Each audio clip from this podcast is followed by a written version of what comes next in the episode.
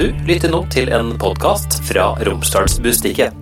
Hør på henne presenteres av DNB, din økonomiske rådgiver fra A til Å. Hun er skuespiller ved teatret vårt og har spilt i stykker som Barselfeber, Villanden og Julekveld med teskjekjerringa. For rollen som Gjertine i Slåttekar i himmelen fikk hun Hedda-pris. Men da hun skulle bli mamma, ble det litt av et drama. Og denne gangen på virkelig alvor. Sara Fellmann, velkommen til Hør på henne. Tusen takk! Hvordan går det? Du, det, det, det, går, det går bra. jeg er litt, eh, litt forkjøla. Eh, har hatt eh, liksom første uke etter en premiere og har vært ganske dårlig hele denne uka. Jeg har vært litt sjuk. Så jeg er litt sånn et postpremiere-skjør, egentlig. Som kan være veldig fint, på en måte, men det er også veldig skjørt. Ja, for du er jo inne i et uh, voldsomt stykke nå, på teatret, mm. der du spiller Medea. Medea ender opp med å drepe sine barn, og er dette en forestilling som på en måte preger deg nå? Ja, det gjør den. Ja. Ja, jeg, ja. jeg ville ljugd hvis jeg liksom hadde sagt nei, den preger meg ikke i det hele tatt. Um, den preger meg uh, kanskje ikke helt sånn som man skulle tro, men det, det preger meg uh, i form av at det er, en, det er en, tung jobb å gjøre. Uh, det krever mye av meg, både fysisk og psykisk. Jeg trodde at jeg skulle ha mye mer mareritt og drømmer om å drepe mitt eget barn og sånt, men det har jeg ikke hatt noe av. Og det er det er mer bare den derre eh, jeg, jeg, preges av, eh, av tyngden av arbeidet. Det gjør jeg. Absolutt. Og så kunne jeg jo ikke unngå å legge merke til at hårfargen din ja. har jo endret seg. Ja. Har det noe med, med, det å gjøre? Ja, absolutt. Um, jeg, jeg, fikk jo rødt hår i høst til uh, Villanden, uh, som Victoria Meirik satte opp. Uh, og da ble det en litt sånn Tja, kanskje vi skal farge håret rødt? Og jeg tenkte ja, ja, ja, ja hvorfor ikke? Da jeg var liten, så ville jeg alltid være lille havfruen. Ariel. Hun har veldig rødt hår. Og veldig sånn flott fall i håret. Det vil jeg aldri få. Håret mitt henger rett ned. Um, men da tenkte jeg ja, ja, vi, da, vi prøver rødt hår, da. Eh, stas. Stas. Og hva er det mer rødt hår gjør med en? Altså, jeg får litt sånn kraftfull kvinnefølelse. Å oh, ja. Eh, ja, det det, det det, har jeg ikke merka så mye til, egentlig. Eh, eh, altså, det er, det er gøy eh, å teste ut eh, ja, ja, jeg er så dårlig på å sminke meg og gjøre utseendeendringer og sånn. Jeg gidder ikke, jeg orker ikke. Liksom. Så, så da er det litt gøy når det skjer på jobb, da. Da får jeg testa det der. At noen andre bare tar den avgjørelsen. Ja, vi farger Saras hår rødt nå. Og så, så, kan jeg jo si, jeg kan jo selvfølgelig si nei, det er helt uaktuelt. Men, eller jeg kan være med på det og si ja, fett, vi prøver det. Og så da vi kom til Medea Start, for da var jeg litt sånn Men nå er vi vel ferdig med den rødfargen og skal begynne med tilbakefarging og greier.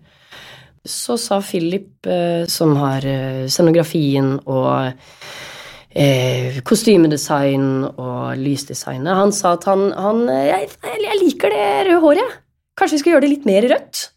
At det passer veldig bra bak den plassen der. For jeg står jo bak plast. Det, det, er ikke noe hemmelighet. Eh, står mye bak plast. Vi avslører ingenting ved å fortelle det. Nei. Nei. Det. så, så, det røde håret, det, det, skinner gjennom den plasten. Um, så det var, det var egentlig kult å få få det litt, litt, mer rødt nå.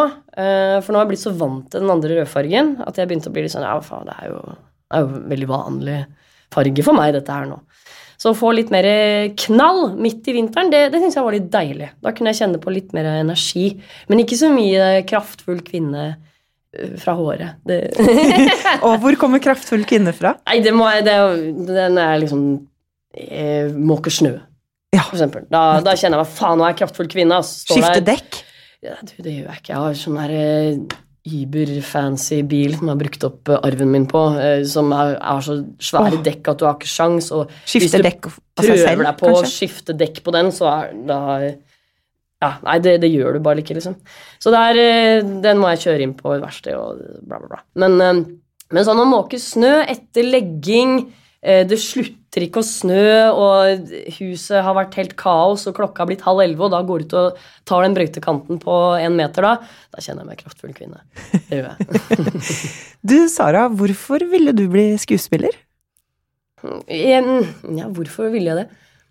Jeg vet ikke helt hvorfor jeg ville det. Jeg syns det var gøy.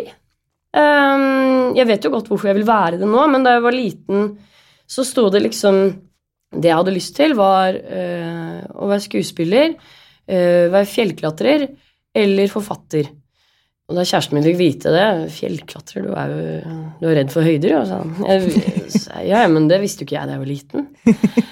Og det er jo ikke noe å leve av, sa han. Ja, men det visste jeg i hvert fall ikke da jeg var liten. Jeg, jeg bare syntes det var gøy å klatre.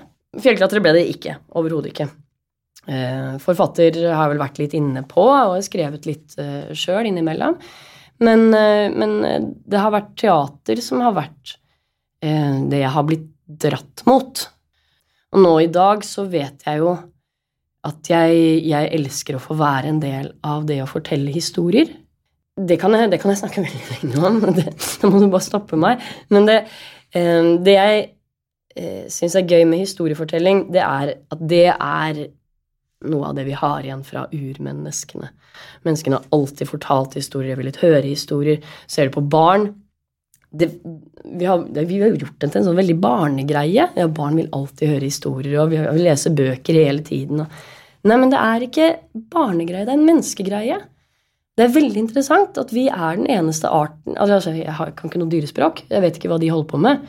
Kanskje hvalene forteller hverandre historier, det vet jeg ikke. Men, men menneskene har alltid hatt et behov eh, og et ønske om historier, både å fortelle og få høre historier. Vi har fortalt historier fra vi, ja, fra, fra vi kunne kommunisere. Eh, fra å tegne på veggene for å bevare historiene. Før vi hadde skriftspråk, så har vi fortalt historier. Vi holder jo på med det nå også, voksne, selv om vi legger det på barn. Men vi, vi Jeg vet ikke hvor mange mennesker jeg som sovner hver kveld til podkast eller serie på iPaden på senga. Jeg klarer ikke sånn uten noe å høre på eller se på. Eh, det er jo det det er. Vi må ha historier hele tiden. Jeg er veldig takknemlig for å få holde på med det. Og da teater, som er eh, en av de eh, stedene der man faktisk samles fysisk, samles en gjeng, en flokk, for å høre en historie, se en historie eller fortelle en historie. Eh, det er jeg veldig glad for at menneskene fortsatt gjør. Eh, sånn som man gjorde 2500 år siden, når, da Medea ble skrevet. Og det legger det jo an til at du skal holde på med en stund framover, for du har jo fått fast jobb ja. på teatret vårt. Og hvor uvanlig er det i din bransje? Eh, det, det, er jo eh, det, det, er jo ikke Det er ikke gigavanlig, og det er ikke gigauvanlig heller. Giga var litt uh, interessant ordvalg. Men det er, jo, det, er jo, mange med faste ansettelser rundt omkring i Teater-Norge. men jeg ble veldig veldig overrasket da jeg fikk den. for jeg er Jeg har ikke godkjent skuespillerutdannelse, som det heter engang. Jeg, jeg har en treårig utdannelse fra NIS, men det var ikke noe godkjent bachelor. Jeg, jeg har ingen grad. Det syns jeg egentlig er litt fett. I disse mastergraddiskusjonstider så er det, ja, det er, definitivt Det er motstandsbevegelsen. Fuck it, jeg har ikke en eneste grad, jeg. Men du, hvordan havna du i Molde i utgangspunktet? Du, det var jobb. Det var, det var jo det. det var, jeg fikk en forespørsel fra en eh, ja, Elisabeth Topp, som er regissør, eh, som jeg hadde jobba litt med tidligere. Og hun uh, lurte på har du lyst til Vi hadde ikke jobb, hadde jobba litt, men ikke mye. Og lurte på du, jeg skulle gjøre en produksjon i Molde. Har du lyst til å være med som skuespiller? Um, da var jeg på et litt sånn underlig sted i livet. Det var høsten 2015. Uh, eh, og da, da, hadde jeg akkurat gjort det slutt med min samboer. Vi hadde vært kjærester i elleve år, samboer i ti år. Um, jeg hadde akkurat oppdaget at jeg hadde fått cøliaki. Eh, så jeg visste plutselig ikke hva, hva, hva kan jeg spise. Og alt jeg ville, var jo å drikke meg full på øl. Eh, men det kunne jeg jo ikke drikke lenger, så det, alt var litt sånn ja, Vil du komme til Molde? Ja, ja, ja! Jeg holder på med leilighetssalg og faens oldemor, men ok, jeg, jeg, drar til Molde, da. Jeg veit at Lars er der, og Lars kjente jeg fra skolen. Altså Lars Melsæter Idiot? Ja, ja, ja. Lars og jeg vi gikk i klasse sammen. Og vi hadde ikke sett hverandre på mange år. Jeg visste at Lars var der. Så kom jeg opp hit Eh, Ja, hva annet visste du om Molde, egentlig? Enn at jeg Lars hadde var her? hørt at det var en stygg by. Folk sa det. Å ja, Molde, ja, så gøy at du fikk jobb der. Det er en stygg by, da. Men, eh, det, men det blir sikkert bra. Og Lars er jo der. Ja, så jeg også kom jeg opp hit en desemberdag. 7. desember, jeg husker det veldig godt. Jeg ble henta på flyplassen, kjørte forbi. Så stoppa vi lyskrysset eh, ved den der jacuzzi-sjappa eh, på Kviltorp der. Så jeg bare inn i den der jacuzzi-bula og bare hvor, hvor er jeg kommet? Det her er de veldig opptatt av jacuzzi. Liksom. Eh, boblebad. Um, det, det, det, er, det er man jo her. Man, eller ofte er folk opptatt av boblebad. Det syns jeg er veldig spennende. Og så kom vi inn til byen og inn på teatret og møte folk, og så spurte jeg Lars her, eller? Nei, nei, Lars, eh, Lars han er på Teater Innlandet, han. Han har permisjon. Oh no. Uh, Ok, ok. Det var jo aldri noe krise, liksom, men, og det var helt mørkt, og det var ikke noe snø. Jeg tenker 7. desember. Det talte kanskje ikke til Moldes fordel. Var ikke på sitt mest sjarmerende. Ja, Og, og når du er fra litt sånn knust sted i livet, bare alt er ganske kjipt. Eh, og så drev jeg liksom og raska rundt her, for jeg tenkte jeg skal gå litt tur, da. Eh, og jeg, jo, jeg hadde bodd i Himalaya det siste halvåret, for å gått på skole der, så jeg syns at fjellet her var liksom ja, Liksom-fjell. Ja, ok, ja, det var jo søte fjell. Men jeg får prøve å komme på den Varden da, som alle dere prater om. Og det, det mener jeg fortsatt at Varden-skiltene i denne byen er veldig misvisende. Altså, fordi at det er, det er skilta til Varden fra, fra Hva heter den der um, Bjørsetalleen til andre sida av sentrum. Bare Varden oppover. Nå, Alle veier går til Varden. nå skjønner jo jeg akkurat hvorfor de skiltene er der, men da, den gang da, så tenkte jeg ja, ok, jeg fant ikke Varden, men jeg, jeg så jo et skilt langt ute i Gokk, så jeg gikk til Bjørsetalleen. da, Ok, jeg får prøve herfra, da! Og gå opp der i stedet. Men var- jeg, jeg fant jo aldri fram. Eller det tok lang tid da, før jeg fant fram. Uh, når jeg først fant fram, så gikk jeg mye opp til Varden. Men uh, uh, ja, nei, det husker jeg. Det var sånn ja, Gå rundt og traske og prøve å finne Varden. Eh, prøve å finne meninga med livet. Og, og jobbe på teatret, da, som var veldig, veldig gøy. Eh, men det var første gang jeg var på institusjonsteater også. og Det var litt sånn Ja, hvordan, hvordan er det her, da? Hva, hva er institusjonsskuespillere holder på med? Jeg kom fra veldig frilans. Jeg kom fra Grusomhetens teater, som er ja, et, eh, et, eh, en teaterstil som ligger veldig veldig nært mitt hjerte, og det er der jeg kommer fra. Det er der jeg har Det er der jeg tenker at jeg har lært det meste jeg, jeg kan, eller eh, det som har formet meg som utøver. Men det er jo en veldig annerledes eh, ting eh, enn å komme opp hit og gjøre eh, komedie, eh, som vi gjorde da. Eller hva skal man si, politisk satire, var det. Det var en veldig fin forestilling. Og, og fortsatt det der med mat. Ja, Og være i en teaterleilighet og prøve å finne ut av et nytt kjøkken og sånt. Og så, ja, men hvordan, hvordan lager jeg mat nå? Når jeg ikke kan ha noe med mel, og hva, hva er det gluten i, egentlig? Og, uh, ja. Så det var en veldig sånn finne seg fram, lete seg fram. Men så kom jo uh, våren etter hvert, da. Eller i hvert fall midt utpå vinteren. Det kom sykt mye snø her, sånn som det jo alltid gjør etter nyttår. Og de, de morgenene, husker jeg. Jeg bodde oppe på Rema Reknes og, hadde, og med den der utsikten bare rett utpå der. Det var litt sånn delt på det. Det var litt rart å bo oppe på Rema. Og, og det var helt fantastisk å bare være ute i det derre eh, fjordfjell, rosa, lilla, oransje soloppgang-bildet som bare omsluttet meg. Og begy da begynte jeg sånn Disse fjellene her er veldig flotte, altså. Det er ikke liksom fjell, vet. Det er ikke det. Og de ble større og større for meg, og det Ja, det var um, Det var veldig fint de der månedene hvordan jeg etter hvert kjente at jeg ble ble gladere. Og jeg ble eh, mer og mer forelsket i eh, dette stedet og den naturen.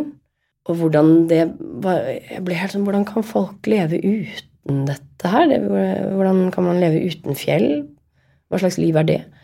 Det er en gøy kontrast når Ja. man tenker på hvor du kommer fra. Mm. For en liten fun fact, det er jo at vi kommer fra det samme stedet. I Oslo. Mhm. Eller ja, det er bare så vidt det er i Oslo, for det er jo nesten i Lørenskog. Ja. Um, og det heter Ellingsrud. Ellingsrud Og det er veldig annerledes enn Molde. Ja, det er det. På ett sett. på et annet sett ikke i det hele tatt. Uh, I det hele tatt. Selvfølgelig er det annerledes. Men det er jo ikke noe fjell. Eller jo, det er litt fjell. Men eh, skråninger, haug. hauger Ja. eh, Vi har en fjellvegg rett bak huset jeg vokste opp i, eh, som vi klatra mye og eh, lekte foreldreløse barn i. Alltid foreldreløse barn. eh, Speisa. Ja, Ellingsrud er jo, er jo eh, Oslo øst. Enden av linje to, Linje to. T-banen. Ja. og jeg tror mange nok har sine fordommer mot det, fordi det er på østkanten, det er eh, blokkeland, det er eh, Hva skal man si, da? Det er, men, men det er jo også eh, rett på kanten til eh, marka. Det er skogene der som jeg liksom husker som min barndom. Jeg husker blokkene, jeg. Det er blokkene. Men hvor på Ellingsrud er det du bodde? Det er jo, blir jo Jeg tror du bodde nærmere markagrensa enn meg. Mm. Så eh, det har nok eh, litt å si. Ja. Så jeg vokste opp i fjerde etasje i en eh, ja, Ja. blokk. Jeg tror mange har eh, sine oppfatninger av stedet, selvfølgelig. Jeg er jo vokst opp i et av de eldste husene i Groruddalen. En sånn gammel skyssstasjon som heter Smedbakken. Kjempe, og der har familien min bodd opp gjennom mange, mange år. Huset i seg sjøl Det eldste delen av huset er over 200 år gammelt. Og det ligger rett ved T-banegangen, som er sånn Det er ganske, ganske speisa sted. Eh, hvis man aldri har vært der før, da, da kommer du Du går opp fra T-banen en lang, lang, lang, lang, lang, lang, lang, lang, lang gang som det ser ut som aldri skal faen meg ta slutt. Og så kommer du bare ut i marka. Og huset der jeg vokste opp, der har vi alltid hatt hester. Så hestene rett inn i T-banegangen, på en måte. Det har vært, eh, Folk har alltid blitt litt sånn Jøss, er det hest her på T-banen? Eh, ja, det er kontrastfylt, eh, det er det. Men for meg har det eh, Det er veldig relatert i form av den naturen. Eh, At eh, jeg drev og rei rundt på ponnien min og utforska skauen og gikk litt sånn offpist med den og bare ja, 'Kom igjen, Pontus, vi stikker'. Um, litt sånn som jeg holdt på her, da. Eh, at jeg går, bare går meg vill i marka her. Jeg har ikke noe hest med meg, men, men eh, jeg har hatt med en GPS i tilfelle. For jeg har utrolig dårlig retning, sant. Men, eh, men det å bare bli litt lost, og bare leke i skogen, egentlig, det, det syns jeg er veldig det, det liker jeg å gjøre. Og fra østkanten i Oslo så sitter vi her nå og kan ikke leve uten fjell. Ikke sant? Mm. Hei, jeg heter Mia og jobber som finansrådgiver i DNB Molde. Drømmer du om å kjøpe din første bolig, eller har du kanskje vokst ut av boligen du har i dag? Det å kjøpe bolig er en av livets største investeringer, og uansett hvor du er i din boligjakt, ønsker vi i DNB Molde å være din rådgiver fra A til Å. Gå inn på dnb.no for å avtale et rådgivningsmøte med oss, så finner vi de beste løsningene sammen. Du har jo også da mm, blitt eh, temmelig familisert, kan vi si. Altså mann, barn eh, Mm. og den nevnte bilen. Ja. Um, Det er jo en overgang, det, fra livet jeg hadde før. ja. Hvis det var, Jeg, var, jeg visst, vet ikke helt hvor jeg skulle hen. Nå Med tok jeg det en råsjanse Ja. på hvor du skulle. hen. Men jeg kan prøve å stille det som et spørsmål. Ja, ja. Og nå, Sara, er du etablert med mann, barn og den nevnte bilen. ja. Hvordan er det? Du, det er eh, Det er, eh, det er litt delt. Jeg, jeg elsker eh, det å ha barn, og at kjæresten min og jeg vi, vi bodde jo før i et sånt veldig raklete, nydelig lite hus i Kringstadbukta. Altså som vi elsket. Og jeg kan fortsatt ha kjærlighetssorg over det huset. Sånn ordentlig kjærlighetssorg. Kort fortalt, vi fikk barn, og han fikk jobb i Drammen. Eh, han er UX-designer. Eh, UX UX, user Ja. experience, tror jeg Uh. Of course. Um, uten at jeg vet helt. Men, men eh, ja, brukeropplevelse. Brukeropplevelse. Ja, så han, han fikk seg en jobb i Drammen. Han er moldenser, men han hadde flytta hjem til Molde for meg. Eh, han var egentlig Jeg tror han var ganske hypp på å være i Oslo en stund til. Men nå da jeg da var i mammaperm, og han hadde fått den jobben, så var vi enige om at ok, men nå, nå flytter vi eh, for deg. Eh, så lenge det går. Så da flytta vi til Oslo eh, da Olea var ja, noen måneder. Da måtte vi flytte ut fra dette huset som vi elsket. Men det, det fikk vi bare leie. Vi fikk aldri kjøpe det. Da flytta vi til Oslo for en stund, og så skulle vi jo tilbake hit. Jeg frilansa litt i Oslo da jeg var ferdig med perm, og så så var det jo tid for å begynne i barnehage, og sånt, så vi var fram og tilbake. Skal vi være litt i Oslo først, og så bytte barnehage opp til Molde? og sånt, For det er, det er her jeg har fast jobb, og den faste stillingen har jeg jobba så hardt for eh, at jeg, jeg begynner ikke å bli frilans nå når jeg har en baby, kjente jeg. Det, det, er, ikke, det er ikke nå jeg skal frilanse. Eh, så, så da vi, vi landa på det at eh, vi gir henne så mye stabilitet som mulig, så vi flytter opp til Molde og starter barnehage der. Starter i barnehage der vi starta, ikke barnehage, men det trodde du ikke. men, og da måtte vi kjøpe oss et hus, for nå var det på tide å kjøpe det huset. Og det var, var ganske sånn labert marked, men vi fant et hus som vi, som vi likte. Uh, Så vi har et helt fint, hyggelig grønt hus. Eh, Superfin hage. eh, Knall utsikt.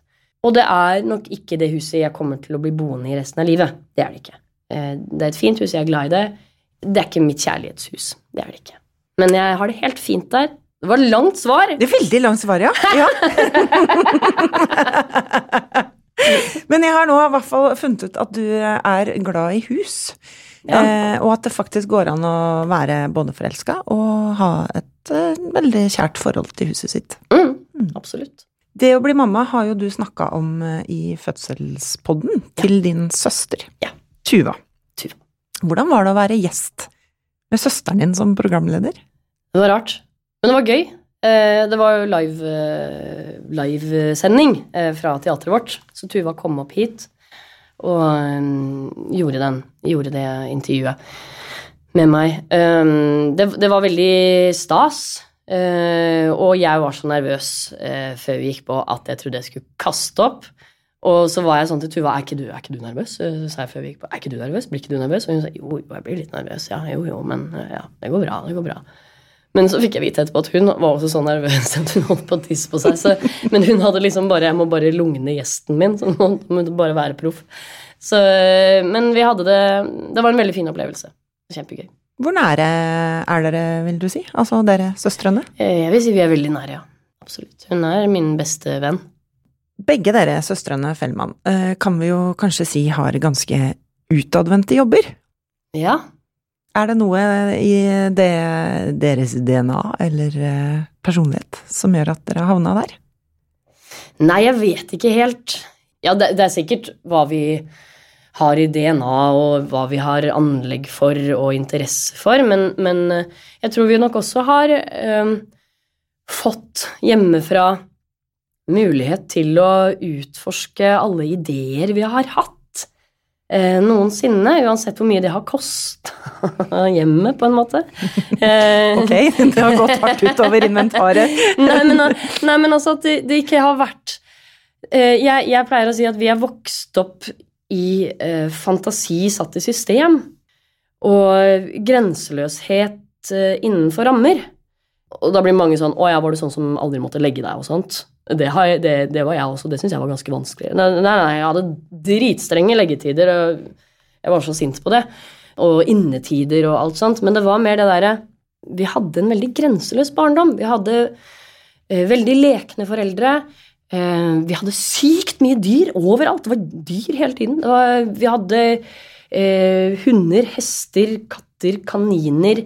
Eh, en gris hadde vi på et tidspunkt. Eh, det, det var bare dyr overalt.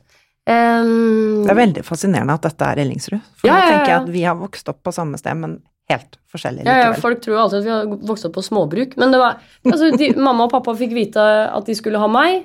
De var ganske unge, eh, så de flytta fra kollektiv på Majorstua. eh, Flytta ut til Ellingsrud. Der var det jo ingenting da! Og ikke en dritt. Eh, Så de, de, det var Smedbakken, der hvor jeg vokste opp. Og det, der kunne de ikke flytte inn riktig ennå, for det var så ødelagt etter at noen hadde leid der en stund. og sånt. Så, så de flytta inn i et lite hus et år, og så flytta de inn i Smedbakken seinere. Eh, og så kom Tuva etter hvert, og så, så var mamma sånn Hun har alltid holdt på med hest, så hun sa 'jeg har lyst på hest'.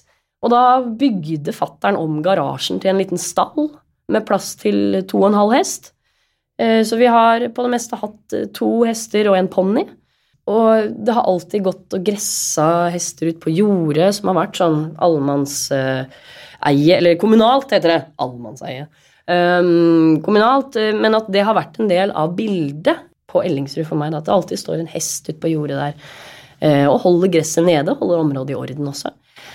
Og så har vi liksom alltid fått eh, dra i gang alle prosjekter, teaterforestillinger, filminnspillinger, eller bare ideer, sånn at jeg sa til mamma kan vi gå ut i skogen og sette oss på en sten og tenke på hunder, mamma? Ja, det er klart vi kan det. Eh, og så gjorde vi det ganske ofte. Da måtte vi bare sitte på en stein og tenke på hunder. Eller da Tuva sa, hun fikk vite at det var vannmangel i Afrika, og da sa hun kan vi sende en pose med vann til Afrika? Og mamma var jeg tror kanskje det er litt vanskelig. Men kan vi ikke få gjøre det? Jo, jo, vi prøver, da. Vi prøver. Og gikk opp på Ellingsrud senter med en pose med vann. Prøvde å dytte den inn i den røde postkassa til den sprakk. Prr, vann utover eh, Jeg håper ikke det kom inn på brevene, da, men eh, ned på bakken. Nei, det gikk ikke, det, sa Tuva. Nei, det gikk ikke, sa mamma. Ja, da går vi hjem. Så jeg tror det heller er sånne ting, da. Eh, og at de lekte veldig mye med oss, foreldrene våre. Og nå er du jo blitt mamma selv, Ja. og det snakker du om i den nevnte podden Ja. med, med Tuva. Og det er en eh, ganske dramatisk eh, historie, og den vet jeg du er ganske god på å gjøre den kort. Kan, kan du fortelle hva som skjedde? Eh, I korte trekk så, så hadde jeg et uh, morkakeinfarkt som ikke ble oppdaget. Veksten begynte å avta. Um, dette skjedde jo i tredje trimester. Men uh, datteren min ble født da seks uker før og var veldig undervektig. De siste dagene før hun ble født, så um, kom det til at jeg kjente veldig lite liv. Eh, og jeg hadde hatt episoder tidligere hvor jeg hadde kjent lite liv, men nå var det veldig lite eller ingenting. Eh, hvor jeg var oppe på sykehuset her den tredje dagen jeg var der oppe. De sjekket meg hver gang, og alt sånt, men så fikk vite at alt er normalt. Hun er litt liten, men eh, ikke farlig liten. Og så den tredje dagen da jeg kom tilbake med null liv i magen, da, eh, da fikk jeg til slutt en innleggelse eh, den påfølgende natta. eh, Så eh, ble jeg undersøkt, og da var det et så pulsfall på, på henne at da ble jeg sendt rett til Ålesund i helikopter og ble undersøkt der og fant at babyen var mye, mye mindre enn det de trodde. Her hadde de målt et vekstavvik på minus 17% og, men der fant de ut at hun var minus 30 til minus 40. Og fikk beskjed om at dette barnet skal ut nå. Hastekeisersnitt. Ja, eller ja, akutt keisersnitt. Det var veldig skremmende. Og så gikk det bra. Heldigvis. Det gikk bra. Eh, hun ble kutta rett ut, og eh, de fikk liv i henne etter en stund. Og eh, Hvor stor var hun? da? hun var 1710 gram. Og i uke 34, da skal de være sånn 2-2-2-3, eller 2,2-2,3 kilo ish. De fant det ut via blodgjennomstrømningen, for den var jo i gang hele veien. Det sjekka de jo alltid. Men det var fordelingen som var gærent. At da hadde dattera mi gått inn og overstyrt, sånn at all næringen gikk til hodet for å beskytte hjernen fra skade. Men da hadde jo ikke kroppen fått noe næring til å vokse og bevege seg. Så hun eh, var nok liten og sliten. Og hvordan går det med henne i dag? Hun er eh, to år, og Det går kjempebra. Hun er, eh, hun er helt frisk, hun eh, prater som en foss, hun uh, hopper, hun uh, er glad i teater. Vært og sett Teskjekjerringa tre ganger. har hun noe valg? Ja, absolutt. absolutt. Uh, jeg spør henne om hun har lyst til å se det. Eh, kanskje første gangen så sier jeg i dag skal vi på teater, for hun vet ikke hva det er. Men uh, hun har sett teater siden hun var ett år. Den første hun så, var en trommeforestilling i Berlin. Som var helt, altså det var helt magisk å se de småpluttene der. Hun var yngst, men det var jo barn på hennes alder. Og jeg først tenkte at nei, det her går ikke, jeg må bare amme meg gjennom eh, dette her. Det, det, det går ikke. Og så så du litt, og hun, hun, hun var litt sånn eh, cranky i starten, og det er mørkt her, og dette liker jeg ikke helt. Og så eh, begynte hun å amme, da. Og så kikka hun litt med den Dro den der lille teposepuppen min med seg hva er det som skjer her? Kan jeg ta med puppen? Jeg må bare se, der sitter hun foran meg, og, strekk- og så Ok, vekk med den puppen. Strekker den lille halsen sin. Det er, det er helt vanvittig kult altså, å se så små barn. Apropos det menneskelige. Eh, Vise interesse for hva er det som foregår her. Hva er, det, hva er disse lydene og musikk og mm, Musikk og historier. Det er helt rått å se hvordan barn eh, tar det imot og er interessert i det. Og hva har den fødselsopplevelsen gjort med deg? Altså, hvordan eh, tenker du på den i dag? tenker at jeg skal bli Jeg skal fortsette å stole på meg selv og min kropp. Eh, For jeg var, jeg var jo på et tidspunkt der sånn Ok, nå begynner jeg å nå, nå er jeg gæren, altså. For alle sier at alt er normalt. Alle sier det. Og alle sier du må roe deg ned, for det er ikke bra for barnet. Så jeg, jeg hadde rett. Det var noe gærent. Og akkurat den bekymringen kan nok mange kjenne seg igjen i som har vært gravid. Mm. Den her med er det liv, er det ikke liv, og nå har jeg ikke kjent noe på en stund. Mm. Skal jeg ringe nå? Og jeg ringte jo i forrige uke også. Ja, ja. Ja. Mm. Og jeg hadde også de der bomturene. Eller bomturer Lykketurene. Lykkebomturene. Ja. At du kommer opp dit, og så Oi, her var det liv, ja! Det, det var, var ikke noe å lure på. Så, så stort sett så er det jo den, den vanlige bekymringen som skal være der, og så går det bra. Men det er, det er som Tuva sa til meg i, i fødselspodden, at det er noe trygt i det å vite at instinktene eh, setter i gang, altså, når det faktisk er noe galt. Og det, det har jeg lært at det, jeg skal fortsette å stole på det. Og fra morskap og instinkter så har jeg nå tenkt å lage en elegant overgang tilbake til Medea. Ja. For her spiller du jo rollen som mor. Ja. ja. Hva tenkte du når du fikk den rollen? Jeg ble helt sykt glad. Hvorfor det?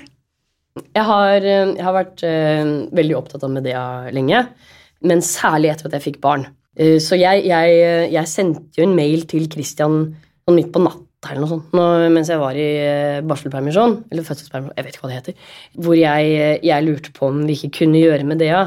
Og da var han allerede i gang med å programmere den, så det var eh, Ja, to sjeler og en tanke-typ.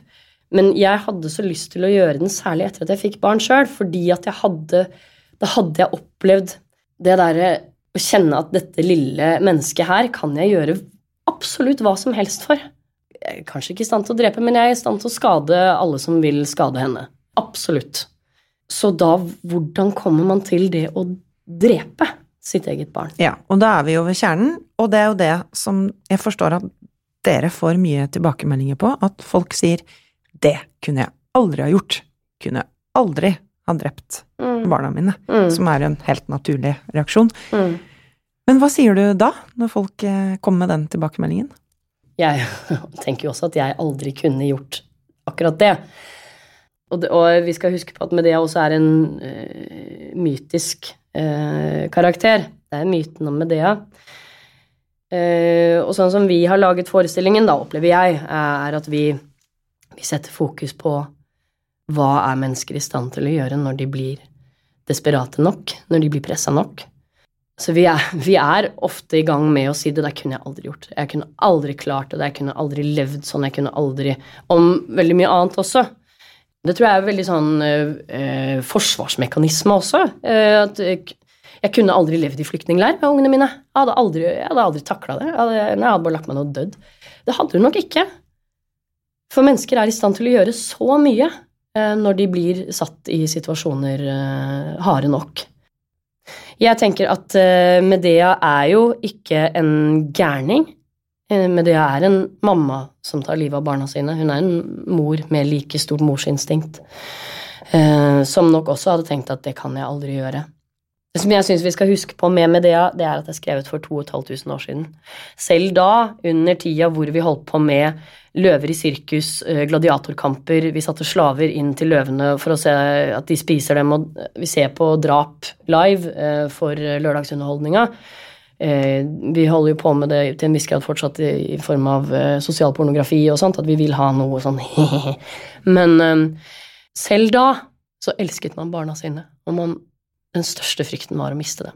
Og det er en, igjen det derre menneskelige som bor i alle, alle, alle mennesker. For meg er det en del av den Medea-historien, er menneskets største frykt har alltid vært å miste ungene sine. Og det er det fortsatt. Og vi er ganske kjappe til å si at ja, men det er ikke like Eller jeg, jeg tror at vi Jeg tror i hvert fall at mange mennesker eh, sier i enkelte steder av verden så er det ikke like vondt å miste barna sine. Eller har den tanken. Jeg tror ikke vi gjør det med vilje engang. Jeg tror ikke vi Men jeg tror det er en forsvarsmekanisme for å slippe å ta inn alt det grusomme som skjer. Men og, hvis vi klarer å ta inn at det er like vondt å miste et barn eh, i Gaza som det er for oss her, som det ville vært her Hvis vi klarer å holde det bildet inne, at det er like vondt, da tror jeg vi greier å mobilisere eh, energien til å demonstrere og si at vi finner oss ikke i det. Det tror jeg med det på et paradoksalt sett Jeg håper da, i hvert fall, at eh, hun kan hjelpe oss å huske det.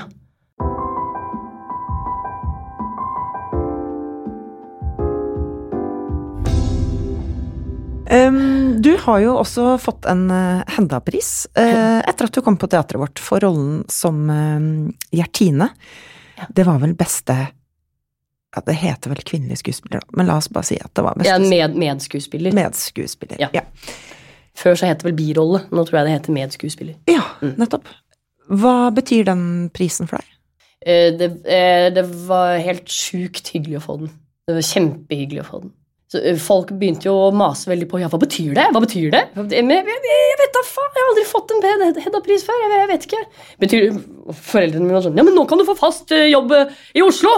Ja, det vet jeg ikke. Det er ikke helt sånn det funker, at bare du har Hedda-pris, så kan du sparke ned dørene overalt. Men for meg så var det i hvert fall en veldig hyggelig bekreftelse på at jeg gjør noe riktig. At jeg har noe i teateret å gjøre, da. For Jeg er jo alltid i tvil. Er dette her bare tull? Er det litt sånn Truman Show? Liksom at, eh, at vi må bare late som at, at, at det går bra. Eh, Så da, jeg, da jeg hadde fått den prisen, så gikk jeg liksom rundt bak scenen der og var litt i sjokk. Og, for jeg hadde liksom holdt den der takketalen som jeg ikke husker noen ting av. Jeg hadde ikke forberedt noe, for jeg tenkte jeg vinner ikke. Så, så det var liksom bare å stå der og kjøre ut av seg det som kom. Og så etterpå så skal du gå bak scenen, og så kan du snike deg ut i salen igjen. Men da gikk jeg bare rundt med den der sykt tunge statuen, og, og, og folk sa ja, vil du sitte ned, vil du ha vann, eller vil du hva, hva vil du gjøre, vil du gå ut i salen? igjen? jeg har ikke bachelor, sa jeg. Hæ? Jeg har ikke bachelor. Nei, nei ok, ok. Men, men det går bra, det, Sara. ja, ja, du, ja, vil du sitte her, eller vil du ut i salen? så, så, så for meg var det en veldig sånn hyggelig bekreftelse at selv, eh, selv jeg, uten bachelor, kan, kan holde på med teater. Hvor eh, har du statuen i dag? Du, den står i bokhylla mi. Skjønner man på en måte at nå lager vi noe skikkelig bra? Nå lager vi Hedda-materiale? Eh, Jeg kan nok få en følelse av eh, eh, Jeg tror dette kan bli fint, men jeg er alltid eh, preget av mye tvil i prosessen. Men, men så, så det har jeg prøvd å lære å balansere. At jeg skal la den tvilen skylle igjennom, og så, og så på et tidspunkt så må jeg også velge å gå for det. Men jeg, jeg syns jo alltid sånn, premierer for eksempel, er noe herk. Jeg hater premierer. Så etter Medea nå, så var jeg bare sånn Christian, sjefen min, eh, kom bak og sånn Ja, grattis! er Vel overstått. Og så jeg bare Jeg var dårlig! Det gikk dårlig! Jeg var kjempedårlig! Og han Det sier du hver premiere, Sara! Du sier det hver premiere! Nei, jeg gjør ikke det! Jo, det gjør du! Eh, Så, så jeg, jeg, jeg er ikke god på premierer. Det er jeg ikke. Hva har livet lært deg? Eh, Alt er i bevegelse. Ingenting er stadig. Hvilken kvinne heier du på? Um, det, det skikkelig vanskelig spørsmål. Faen, så jeg snøvler. Skikkelig vanskelig spørsmål, men egentlig så er det ikke noe vanskelig heller, for jeg hadde svaret med en gang, men så tenkte jeg nå må svare noe smartere og sånn. Men det er, det er mamma. Moren min. Jeg, jeg syns et veldig godt bilde uh, på henne er at hun alltid lot uh, speilet på badet være møkkete for vår utviklings- uh, og leks skyld. Først var det tannpuss. Du har ikke pussa ordentlig før du har spruta tannkrem på speilet. Så ble det spruta fullt med stearin. Når Tuva og jeg bestemte oss for å lage stearinskulpturer, ta eh, rennende stearin, ta masse kaldt vann oppi, stearin utover alt. Det var alltid noe dyr oppi den vasken eh, foran speilet der som skulle ha øyedråper eller bare være med på tannpuss eller noe sånt. Nå. Og under hele puberteten eller tenåra så da begynte mamma å skrive med leppestift på speilet. Eh, hun, hun, hun, hadde alltid en lapp som hang der, som eh, het eh, 'Puberteten er den alderen hvor foreldrene blir vanskelig'. Eh, og så begynte hun å skrive med leppestift. 'Girls just wanna have fun'. Og så begynte vi å skrive, og så skrev hun litt tilbake, og så begynte vi etter hvert å ha sånn skri skriblerigreie hvor vi kunne bare skrive helt usensurert. Var ikke noe eh, Sånn kan du ikke skrive, eller det er ikke morsomt, eller bare gjør det. Og så til slutt, når vi merka sjøl at nå ser vi ingenting i det speilet, kanskje vi må vaske bort alt sammen, så gjør vi det. Så jeg har bare tenkt at jeg skal i hvert fall ha, gjøre mitt beste for å ha et like møkkete speil for dattera mi eh, som moren min alltid har hatt for meg. Sara Fellmann, tusen takk for at du var gjest i Hør på henne. Takk for at du fikk komme. Hør på henne er laget av Romsdals Bustikke. Produsenter er Stian Viken og Hanne Fleischer. Mitt navn er Vera Henriksen. Har du ris, ros eller innspill til gjester? Send meg en e-post på hennealfakrøll-r-b.no. Følg oss også gjerne på Instagram, så håper jeg vi høres snart. Hør på henne presenteres av DNB, din økonomiske rådgiver fra A til Å.